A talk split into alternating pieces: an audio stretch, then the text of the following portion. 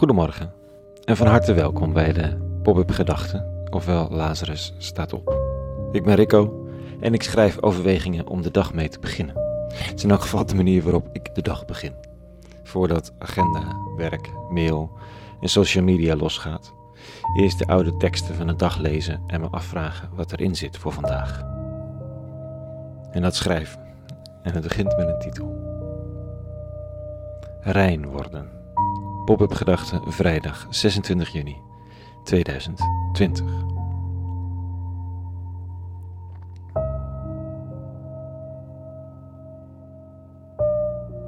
Het is een zoektocht voor velen en een verlangen dat ergens onder de oppervlakte sluimert. Dat je net als het zweet na een warme plakkerige dag je ook de mentale of fysieke zooi die je aankleeft van je af zou kunnen spoelen. De herinneringen die pijn blijven doen en, en zorgen dat je nek en schouders steeds weer een beetje vast komen te zitten. Je gaat wel naar de fysio, maar ja, de symptoombestrijding. Niemand wast de herinnering uit je geest. Of de zelfkritiek. De tijd zal het misschien helen. En anders therapie.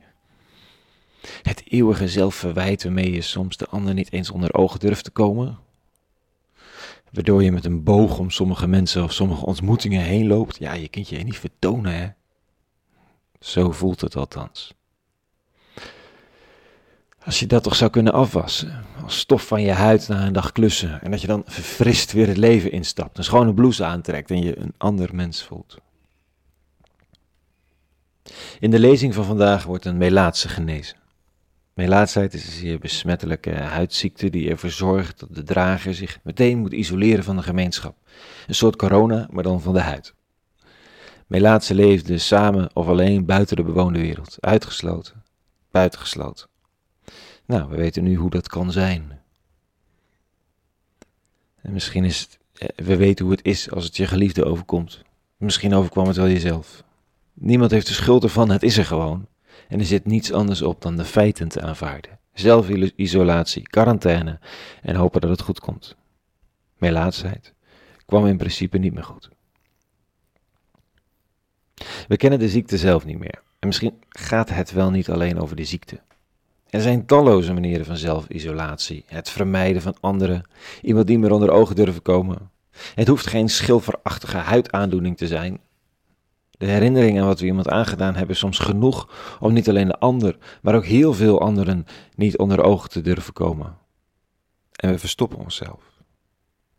Soms letterlijk onszelf isoleren van die mensen. Soms verstoppen we onszelf in onszelf. Toch? De herinnering aan dat we het anderen gezegd hebben of gedaan hebben is soms gewoon te pijnlijk. Het kunnen soms ongeschijnlijk onschuldige woorden zijn geweest die keihard zijn aangekomen en nooit meer kruipt die echte, kwetsbare ik uit de schulp. Het zelf is aan vrijwillige zelfisolatie begonnen en zal ze ooit de kop weer durven opsteken? Het zelf voelt besmet. Kan ik rein worden ooit? Verfrist naar buiten treden als van onder een koude douche op een te hete dag, vol leven, diep inademend, met de behoefte om de eerste de beste die je tegenkomt een knuffel te geven, omdat je er weer bent, met heel je lijf. Dit staat in de lezing vandaag. Toen Jezus van de berg was afgedaald, volgde hem een talrijke menigte. En de Melaatse kwam naar hem toe en smeekte hem op zijn knieën, als u wilt, heer, kunt u mij reinigen. Jezus stak de hand uit, raakte hem aan en zei, ik wil, word rein. En terstond werd hij van zijn melaatsheid gereinigd. Jezus sprak tot hem, zorg ervoor dat u het niemand vertelt, maar ga u laten zien aan de priester en offer de gaven die Mozes heeft voorgeschreven om ze het bewijs te leveren. De geïsoleerde doorbrak het eigen isolement omdat de behoefte en de mogelijkheid tot genezing en heling krachtiger was dan de vanzelfsprekende uitsluiting op basis van de eigen aandoening. En dan is er genezing. En ik vraag me af hoe het met mijn behoefte is. Wil ik nog genezen worden? Niet dat ik heel ziek ben, maar er is van alles natuurlijk. Zit de behoefte aan rein worden, aan het afwassen van de herinnering, of van die ene zelfkritiek, van die gewetenswroeging ergens, of die karaktertrek die me zo vaak is verweten? Zit de behoefte aan rein worden nog ergens?